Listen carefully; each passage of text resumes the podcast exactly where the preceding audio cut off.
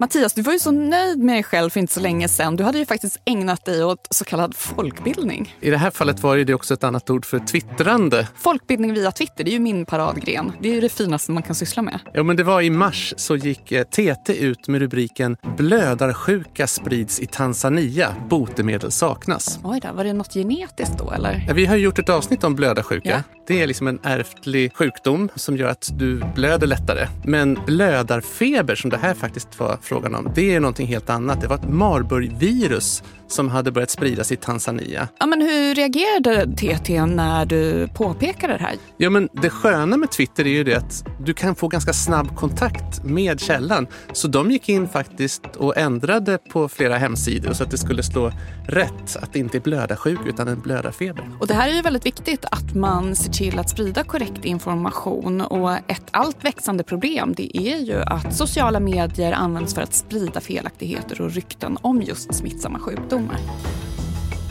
Varmt välkomna tillbaka in i riskzonen med mig Mattias Öberg. Och med mig Emma Frans. Och den här säsongen gör vi samarbete med Centrum för hälsokriser vid Karolinska institutet. Och idag kommer vi att prata om smittsamma sjukdomar och kanske en av de mest mytomspunna och skräckinjagande smittsamma sjukdomarna som i alla fall jag känner till. Nämligen ebola. Och varför är egentligen sjukdomsutbrott en perfekt grogrund för myter och konspirationsteorier?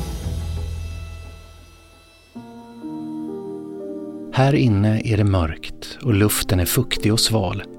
Han känner insidan av trädets stam riva mot de ännu babylena armarna och marken klibbar under de små fötterna. Grenarna sträcker sig mot den heta afrikanska solen ovanför honom och vinden viskar i lövverket. Man kan tro att det är en fridfull plats, men det ihåliga träd som den tvåårige pojken leker i bär på en livsfarlig smitta. När han tultar hem igen har han döden med sig vid sin sida. Snart drabbas han av feber. Han kräks och får diarré. Det är december 2013 när hjärtat i den lilla kroppen slutar slå. Då har även hans syster, mormor och gravida mamma infekterats av den mystiska sjukdomen. Och likt ringar på vattnet sprids den vidare. Många av de som drabbas har vårdat de redan sjuka och från den lilla byn i södra Guinea breder mörkret ut sig. Det tar sig genom grannbyar, ut i landet och till områden runt omkring. Den 13 mars 2014 utfärdar Guineas hälsoministerium en varning. En smittsam sjukdom med hög dödlighet och fruktansvärda symptom har brutit ut i landet. När nyheten om utbrottet når Frankrike sätter forskare vid Pasteurinstitutet in alla sina resurser för att lösa gåtan. Det tar inte lång tid att förstå att det är den fruktade Zaire-varianten av ebolaviruset som brutit ut. Under månaderna som följer blir kampen mot den svåra febersjukdomen allt mer desperat. Läkare, sjuksköterskor och volontärer från hela världen strömmar till de drabbade områdena i en gemensam strävan att bekämpa smittspridningen och bota de sjuka. Fram till 2016 pågår ebolaepidemin i Västafrika med över 11 000 dödsfall och nästan 30 000 insjuknade i Guinea, Sierra Leone och Liberia och med lokala sjukdomsutbrott och enstaka sjukdomsfall i andra delar av Afrika samt USA, Storbritannien, Spanien och Italien är det här ebolautbrottet det hittills största. Men det är inte det första. Sedan 1976 har stora utbrott av sjukdomen skett 28 gånger. Viruset får sitt namn efter ebolafloden i nordvästra Kongo-Kinshasa som var platsen för det första kända utbrottet. Det mesta pekar på att det är fladdermöss som fungerar som ebolavirusets reservoar, att de bär smittan utan att själva drabbas av sjukdom. Och i det ihåliga träd där den lille pojken lekt hittas senare mängder med fladdermusspillning med spår av ebolavirus. Det är därför det troligtvis är i detta träd som det dödligaste ebolautbrottet någonsin tar sin början.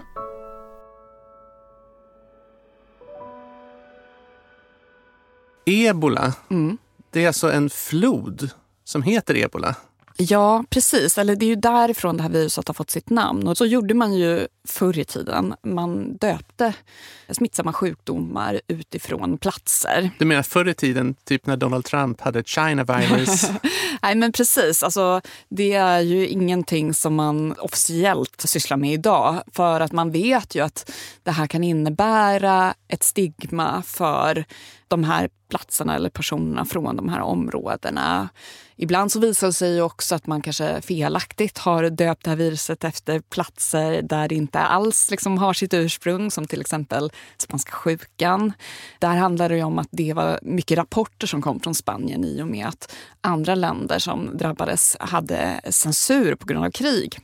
Så att man var inte öppen, men det var man däremot i Spanien. Så då skyllde man mycket på eh, Spanien. Men det är väl inte bara det att man vill undvika liksom, stigmat, att någon blir bärare av den här liksom, känslan, någon slags skamkänsla, att det är min skuld i det här. Men det är väl också det att det kan bli missförstånd. Man kanske tror att om jag bara undviker den här platsen så kan jag inte bli smittad. Just det. Så är det ju precis. Och jag menar, man håller ju också nu på att eh, jag menar till exempel svininfluensan, det namnet som man då ofta använde för influensaviruset och H1N1. Det var ju också någonting som gav ja, men, oväntade negativa konsekvenser där man nödslaktade en massa grisar. För att eh. viruset hette någonting med svin? Ja, och då blev det liksom ett jättestort stigma gentemot grisar och grisuppfödare. Så man nödslaktade en massa grisar trots att de var helt friska.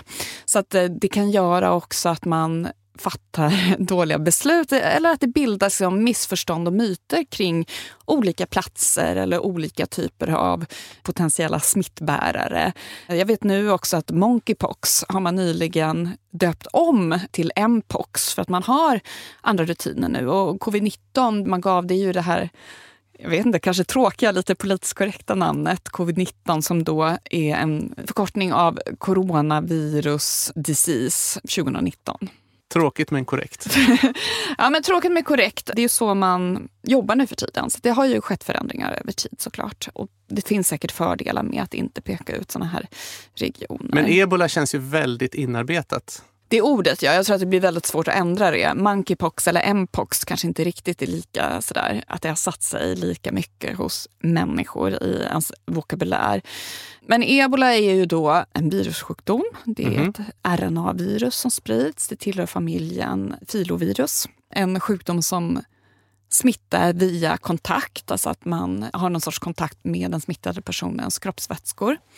Men precis som med coronaviruset så har det ju diskuterats såklart om det finns också potential för det här viruset att sprida sig till exempel via luften. Och det var ju också någonting som präglade det här utbrottet av ebola i Västafrika 2014. Det var ju just att det började spridas mycket myter och påståenden, olika typer av rykten. Man började på något sätt diskutera det här viruset i sociala medier. Och, eh, det innebär ju att det uppstår olika typer av visklekar där man diskuterade huruvida myndigheterna verkligen hade rätt i hur det här viruset spreds och riskerna för att det här skulle komma till andra delar av världen. och Så, så jag tycker att det var lite på något sätt en vad ska man säga, en brandövning. Eller i alla fall att man fick en sorts föraning för vad som skulle hända då när det uppstod epidemier eller pandemier i den här nya digitala världen som vi lever i idag. Det är mycket man känner igen tycker jag från berättelsen om ebolautbrottet mm. då i mitten av 10-talet och sen coronan. Det är inte bara de här konspirationsteorierna och hur människor beter sig. Man pratade också ganska tidigt om det här med att försöka stänga gränser för att folk inte ska kunna få med sig viruset från olika platser. Men också lite grann där, hur man skyddar sig. Det är lite samma grundhygien som också skapar mycket av skyddet. Att hålla avstånd, tvätta händerna, inte ta i hand när man hälsar.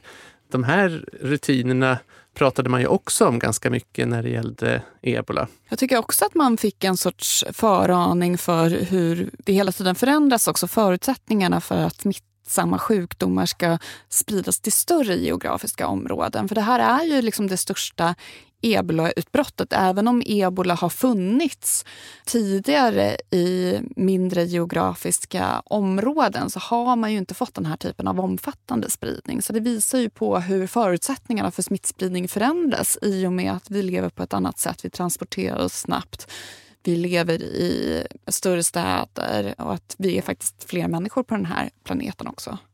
Men Emma, är det någonting som du inte känner igen från coronaviruset som känns lite mer specifikt för ebola? Alltså det är ju olika typer av virus.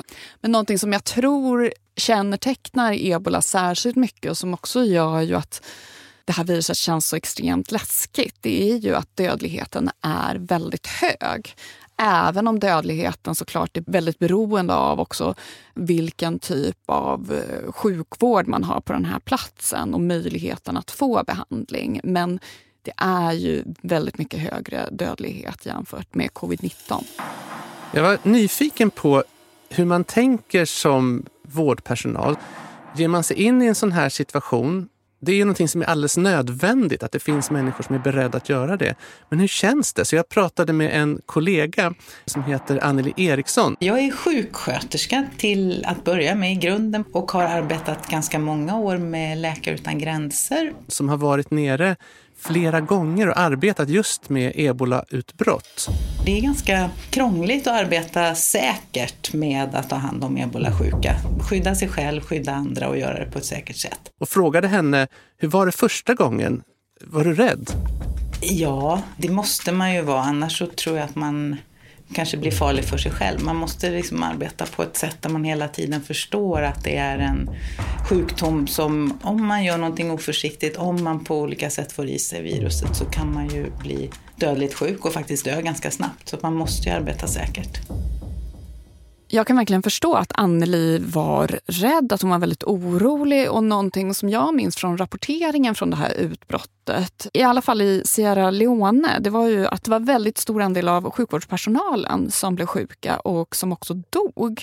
Ja, men man får skilja lite grann på, så att säga, är du medveten om att nu går jag in här och ska arbeta med ebolasjuka, då finns ju möjligheten att faktiskt göra allting rätt från början, ha den här personliga skyddsutrustningen och då pratar vi ju liksom dräkt, handskar, glasögon, så man skyddar all hud och alla områden där viruset skulle kunna komma i kontakt med kroppen så att säga. Så den stora faran det är ju då om man till exempel jobbar med patienter och man faktiskt inte vet att det är ebola som de är sjuka i. Sitter du på en vårdcentral någonstans och så kommer det in någon med huvudvärk och feber och du vet inte vad det är. Det är klart du undersöker, du tar på patienten. Och när det visar sig att det var ebola, ja, då har du redan blivit smittad. Så jag tror att det är det som är den stora faran. Att det gäller snabbt att förstå att det är ebola för att kunna sätta in rätt skyddsutrustning och skydda även personalen.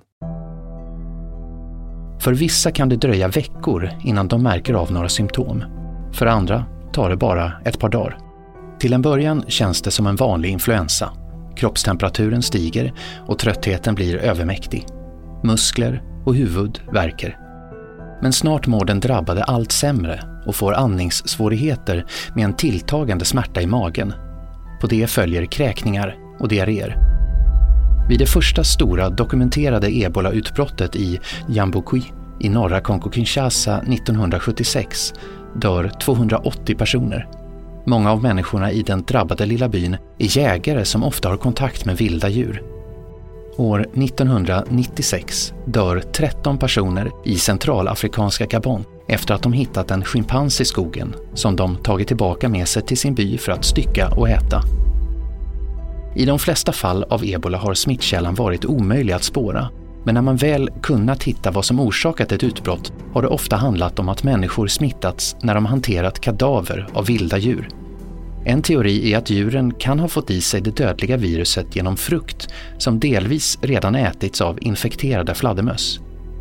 Febersjukdomen vandrar sen från människa till människa via infekterade kroppsvätskor. När ebolaviruset väl intagit en människa kan vätskebrist leda till att organen slutar fungera. För att kunna stoppa ett sjukdomsutbrott och rädda liv behöver de sjuka upptäckas tidigt, isoleras och få adekvat behandling. Men när ebolaepidemin bryter ut i Västafrika 2014 är vårdsystemen i de drabbade länderna dåligt rustade för att behandla så många svårt sjuka. En stor del av befolkningen lever i fattigdom, vilket begränsar deras möjlighet att söka vård. Och situationen förvärras av landsbygdens stora avstånd. När hjälporganisationen Läkare utan gränser kommer till de drabbade länderna för att bistå med läkarvård, smittspårning och informationskampanjer inser de snabbt att deras resurser inte räcker till. Läget är bortom kontroll, säger verksamhetschef Dr. Bart Jansen i juni 2014. Han varnar för att ebolaviruset kommer att spridas till fler länder om inte omvärlden reagerar kraftigare och ökar stödet till regionen. När det gäller smittsamma sjukdomar så är ju förutsättningarna för att kunna stoppa det här utbrottet väldigt beroende av vilka resurser man faktiskt har. För man behöver ha möjlighet att isolera patienter som är smittsamma.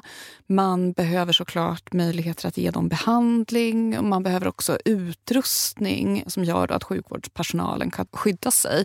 Så att det är ju på något sätt extra problematiskt när den här typen av fattiga länder drabbas av en hälsokris. För som sagt var, ebola har ju en väldigt hög dödlighet men man vet ju att det här är också väldigt beroende av vilken typ av behandling som man har tillgänglig. Just det här med behandlingar. Jag frågade Anneli hur man egentligen gör för att behandla människor som har drabbats av ebola.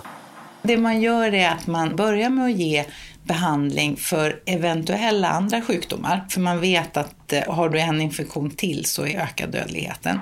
Så de flesta som kommer in de får behandling för malaria och de får också antibiotika för att man åtminstone inte ska ha något annat på gång samtidigt. Och sen ger man behandling mot symptom så du får smärtstillande, febernedsättande, du får behandling mot illamående, mot hicka sjuka som är väldigt vanligt och sådär. Och så får du extra näringsriktig mat och kanske sån här extra terapeutisk mat för att du verkligen ska få i dig näringsämnen. Och så försöker man följa vätskebalans och se till att man inte förlorar för mycket vätska till exempel, utan man kan fylla på med dropp om det behövs också. Och det viktigaste det är såklart att upptäcka ebolan tidigt så man är på plats snabbt. Och där tänker jag ju också just att det här kan vara väldigt beroende av var i det här utbrottet man befinner sig. Kanske i början av det här utbrottet så förstod människor kanske inte att det här som man hade drabbats av kunde vara ebola. För det är ganska diffusa symptom, men då ju längre man kommer desto mer känner man ju faktiskt till att det är ett pågående utbrott och då kanske man också är lite bättre på att vara vaksam på den här typen av symptomen. Men även det, smittspårning, diagnostik, det är också resurskrävande. Mm. Men Mattias, visst har det hänt en del också när det gäller behandling sen det här utbrottet då, 2014? Ja, som jag förstod efter att ha pratat med Anneli så finns det ju både nya vaccin som man kan ge till sjukvårdspersonal till exempel så att deras säkerhet höjs. Och antikroppar som man kan ge om man kommer in tidigt. Det har pågått läkemedelsförsök med den här typen av läkemedel under lång tid. Men nu så är det här etablerade läkemedel som man ger och om man ger dem under de första dygnen på sjukdomen så minskar det verkligen dödligheten väldigt mycket då. Man får liksom inte lika allvarliga symptom och man blir frisk snabbare. Och det är ju inte alla som får de här mest fruktade blödningarna. Det är kanske bara var femte eller var tionde patient. Ja, men det är ju liksom influensaliknande symptom. Men jag tänker liksom att när man var barn till exempel och hörde talas om ebola och vad man associerade till så var det ju ofta de här blödningarna man tänkte på. Att man blödde ur kroppsöppningar, att det liksom kom blod ut genom öronen i princip. Men det kanske är för att ha sett lite väl mycket Hollywood produktioner där smittan sprids till något flygplan och Kanske. sen är det någon som innan flygplanet drabbar så har liksom alla på det här planet fallit ihop på något sätt. Ja. Ja, det är ju också intressant att just det här med smittsamma sjukdomar, det blir ju en väldigt tacksam bild att spela på när man till exempel ska göra någon otäck film. Eller, det är verkligen någonting tror jag som alla kanske går omkring och har en viss oro för. Är det det som gör att det också blir en bra grogrund tror du för så här konspirationsteorier? Att det är liksom ett okänt hot som smyger sig på dig och det kommer vara en gruvlig, plågsam död. Det tror jag absolut är en del av förklaringen till det. I flera dagar har hon haft feber. Smärtan är outhärdlig och hon kan känna att livet håller på att rinna ur henne. Men ska hon verkligen ta sig till sjukhuset? Det ska ju vara därifrån som smittan sprider sig som värst. När hon till sist ändå väljer att söka vård är det redan för sent. Hennes anhöriga tar dödsbeskedet med bestörtning. Kan hon verkligen vara borta? Och är det inte väldigt märkligt att hon dör på den plats som finns till just för att hålla människor vid liv? I ebolans kölvatten följer oro, missuppfattningar och konspirationsteorier. Att patienter dör istället för att botas, att läkare och sjuksköterskor bär heltäckande skyddskläder och att anhöriga inte får besöka sina sjuka väcker misstankar. Och när rykten börjar florera om att det är vårdinrättningar som sprider och förvärrar ebola väntar många sjuka med att söka vård. Det leder till att utbrottet i Västafrika förvärras samtidigt som ilskan mot sjukvården växer. I maj 2014 attackerar ungdomar Läkare utan gränsers utbildningssjukhus i Macenta efter att personalen där anklagats för att ha fört sjukdomen till Guinea. I juli samma år meddelar Röda Korset att de tvingas avbryta sina insatser för att bekämpa ebola i sydöstra Guinea. Lokala invånare med knivar omringade ett tydligt markerat Röda Korset-fordon. Vi har avbrutit våra insatser av säkerhetsskäl, berättar en anonym Röda Korset-tjänsteman för Reuters. Jag antar att det här inte kommer vara sista gången det händer.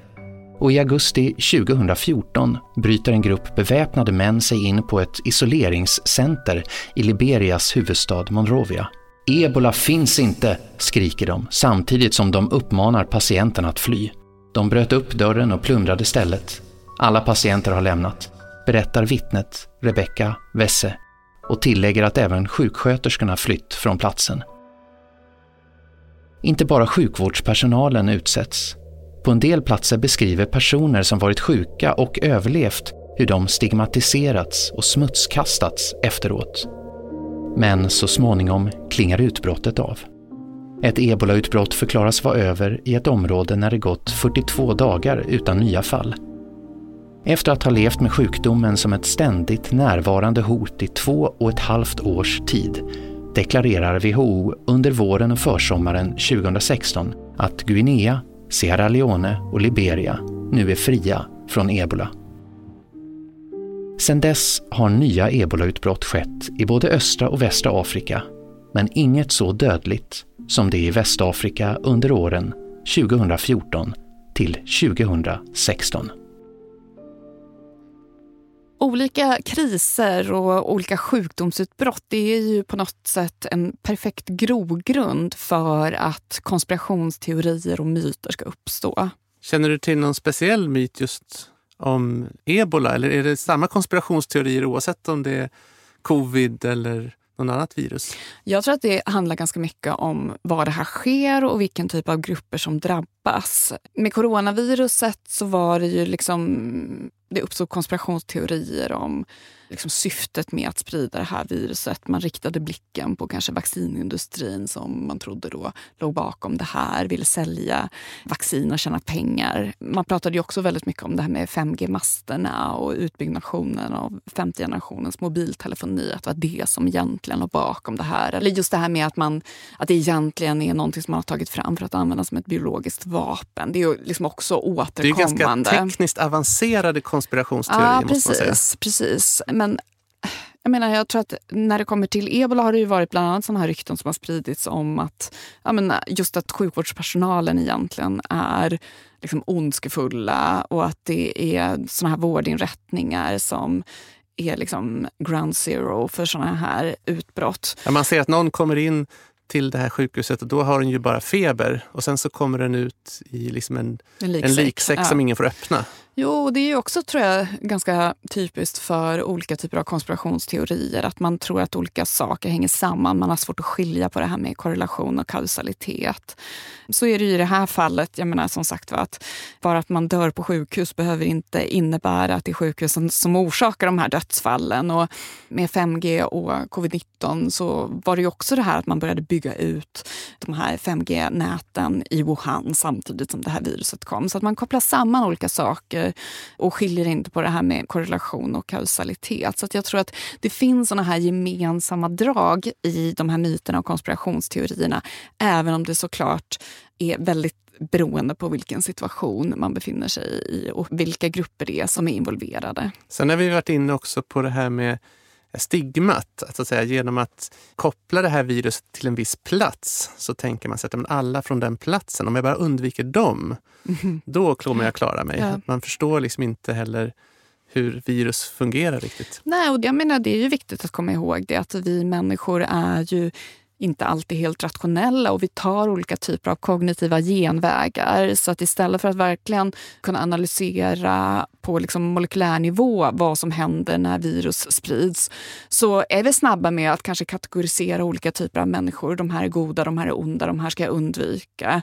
Och också just så här, i såna här situationer när det är kriser, människor är rädda, det är väldigt mycket drama som pågår så verkar vi också ha en liksom, särskild tendens att bli lite mindre rationella. Att på olika sätt försöka få ordning på en kaotisk situation. Och när det inte heller finns så mycket kunskap så blir det väldigt lätt att vi försöker hitta alternativa sätt att förstå det som faktiskt pågår. Jag pratade med Anneli Eriksson om det här med liksom mytbildning och konspirationsteorier. Då berättade hon om saker som hon själv har upplevt på plats. Just med ebola så är ju det en så konstig sjukdom. Och just det här att man isolerar människor, alltså extremt många faktiskt avlider och att du sen inte då får ta hand om dina avlidna som du är van vid. Bara det skapar ju jättemycket rykten och jättemånga missförstånd. Om, om, och även om man arbetar väldigt mycket för att liksom öka möjligheten för de sjuka att träffa sina anhöriga och att liksom på olika sätt med telefoner, med öppna stängsel och sådär. Men, men det blir mycket rykten och det är ofta liksom, i, i de tre sammanhang där jag har arbetat då i, det var Uganda nu senast förra året, så är det alltid eh, rykten kring, eh, ja, de dödar patienterna och stjäl deras organ eller det händer det här eller det är inte på riktigt, sjukdomen är inte på riktigt. Det är presidenten som vill att vi ska bli fattigare. Eller, alltså, allt det här förekommer alltid skulle jag säga och sen har man bara att försöka att vara så, så transparent och så tydlig och så öppen som möjligt för att så att säga motarbeta det.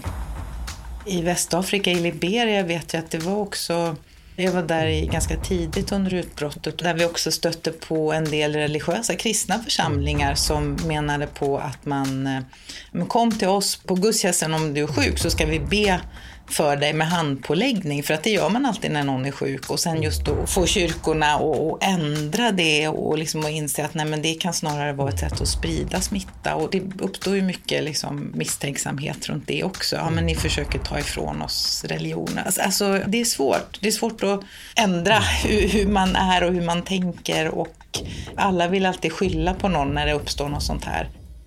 Ibland kanske man tror att ja, men nu har vi lärt oss så mycket om ebola så att om det skulle komma hit patienter, då skulle vi vara helt coola och veta precis hur man ska göra. Men sanningen är ju att när det kommer någon typ av kris. När vi blir rädda till exempel. När vi blir rädda. Ja. Då faller vi också tillbaka. Vi är precis ja. lika benägna att tro på konspirationsteorier. Vi kommer plocka dem utifrån det sammanhang där vi är. Jag kommer att tänka på ett sånt här fall där en kvinna kommer till USA och man förstår att hon har blivit smittad. Jag minns inte vilket blödarfeber det var riktigt.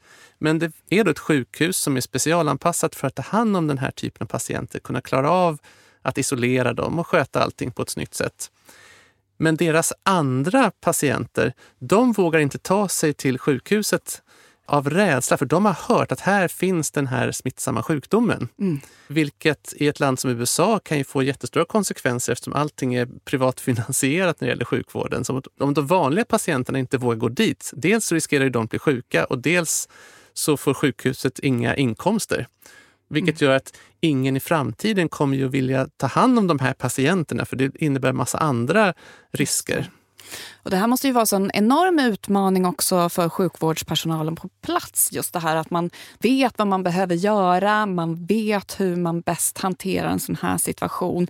Och sen är det liksom då ständigt den här typen av myter och konspirationsteorier som florerar som faktiskt försvårar det här arbetet och innebär att man också måste lägga jättemycket resurser på att hantera den aspekten av krisen. Ibland undrar jag om inte det är en av de stora vinsterna med att ha personer som har erfarenhet av att arbeta på plats. Att de kan så att säga, skapa den här tilliten som behövs.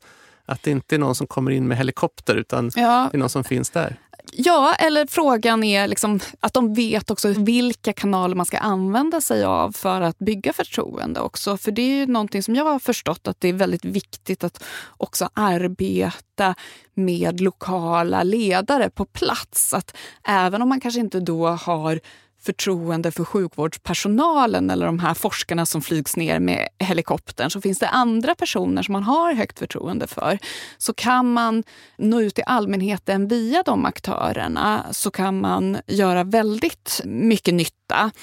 Och jag menar sådana här saker som man behövde göra under ebolautbrottet. Man var ju tvungen till exempel att få människor att begrava sina döda på ett helt annat sätt än vad man var van vid, vad som var tradition. Man hade ju begravningsceremonier som innebar att man hade nära kontakt med de avlidna och det här är ju verkligen någonting som kan göra att den här smittan sprids. Så att kan man då i ett första steg nå ut till lokala ledare, försöka få dem att förstå, så kan man ju också få med sig en hel grupp? När det handlar om nästan all utbrottsbekämpning och liksom särskilt som med ebola så, där, så brukar man prata om pelare som måste till för att man ska kunna stoppa ett utbrott. Och då är det just kommunikation förstås och information till allmänheten men det gäller ju också att isolera och vårda de som är sjuka. Det handlar om smittspårning och snabbt hitta dem som liksom innan någon börjar smitta, att följa utbrottet över sikt och ligga ett steg före just epidemiologiskt. Och för ebola så handlar det också väldigt mycket om det här att kunna se till att de som avlider begravs på ett säkert sätt. Men grejen är att det går inte att säga, eller det, mina erfarenheter säger i alla fall att det funkar liksom inte att tänka, ja men nu pratar vi med folk så då vet de och så är det bra. Eller ja men nu isolerar vi så nu är det inget, liksom sprids inte smittan eller vi tar hand om någon som är sjuk och sådär, utan det måste göras väldigt mycket ihop. Även om du informerar människor om vad de ska göra när de blir sjuka, men litar de inte på att anhöriga får bra vård på det här isoleringscentret, litar de inte på att de får god mat, att någon tar hand om dem, ja men då kommer de ju inte att ta dem dit ändå. Litar de inte på att en som har dött faktiskt har dött naturligt, utan man börjar tro att det kan komma av liksom att de har blivit dödade eller någonting, ja då kommer de ju ändå att vilja liksom undersöka kroppen och kanske utsätta sig för smitta. Så man måste liksom hela tiden jobba väldigt mycket i en enhet skulle jag säga. Och det vi har sett lite problem med till exempel i Kongo under det här stora utbrottet som var där, det var att det var väldigt många starka aktörer var där och arbetade för att få stopp på vi håller på med det här och vi gör det här. Men jobbar man inte nära och tätt ihop så är det svårt att bygga upp förtroendet helt enkelt för det man jobbar med och det man håller på med. Men det här med fladdermössen, jag menar corona, ebola, även rabiesvirus. Det är bara några av de här virusen som kommer från fladdermöss, mm. sägs det. Mm. Finns det en risk att vi liksom anklagar fladdermössen för mer än vad som... Ja, med corona så är väl också den ledande teorin att det var någon sorts mellanvärld som helt har sluppit undan den här liksom skuldfrågan, eller? Alltså det finns ju någon slags, nu vet inte jag just i coronafallet, men när det gäller fladdermössen så säger man att de har förmåga att bära väldigt mycket virus utan att bli sjuka. Annars är ju virusets svaga punkt ofta. Ett riktigt dödligt virus kommer att ha ihjäl sin värld. Och det gör att det kommer vara svårare för allvarliga virus att spridas på sikt. Ja. För några år sedan så var jag på en väldigt härlig semester i Seychellerna. Wow. Och där var då specialiteten bat curry. Ooh. Skulle du ha beställt en sån? Nej, jag skulle nog inte ha gjort det. Det kanske är för att jag har väldigt mycket fördomar just mot fladdermöss. De är lite så här, de flyger i mörkret. Det vattnas inte i munnen. Fladdermuscurry. Det kan inte vara så mycket kött på dem tänker jag heller. De ser ganska skinniga ut. Var det Ozzy Osbourne som brukade äta råa fladdermöss? Det var en tuffing va? Han lever fortfarande. Det är det här med... Kom igen då Mattias, ät lite Ta lite fladdermus, kom igen nu. Kom igen nu. Ossi, kolla på Ossi. Fräschaste killen i stan. Stort tack för att du har lyssnat på Riskzonen med mig, Emma Frans. Och med mig, Mattias Öberg. Vår producent är som vanligt Klara Wallin och inläsare är Peter Öberg. Och alla de här avsnitten som handlar om hälsokriser gör vi också i samarbete med Centrum för hälsokriser på Karolinska institutet. Och därifrån har vi också fått hjälp med research från Åsa Svensson och Sonja Hammi. Och vi spelar in på Beppo. I nästa avsnitt av Riskzonen så kommer vi att prata om någonting som både är väldigt grundläggande och viktigt men också ganska äckligt. Mm. Och du kommer mynta begreppet B-ordet. Vi kommer att prata om eh, föroreningar i dricksvattnet och vad det kan leda till.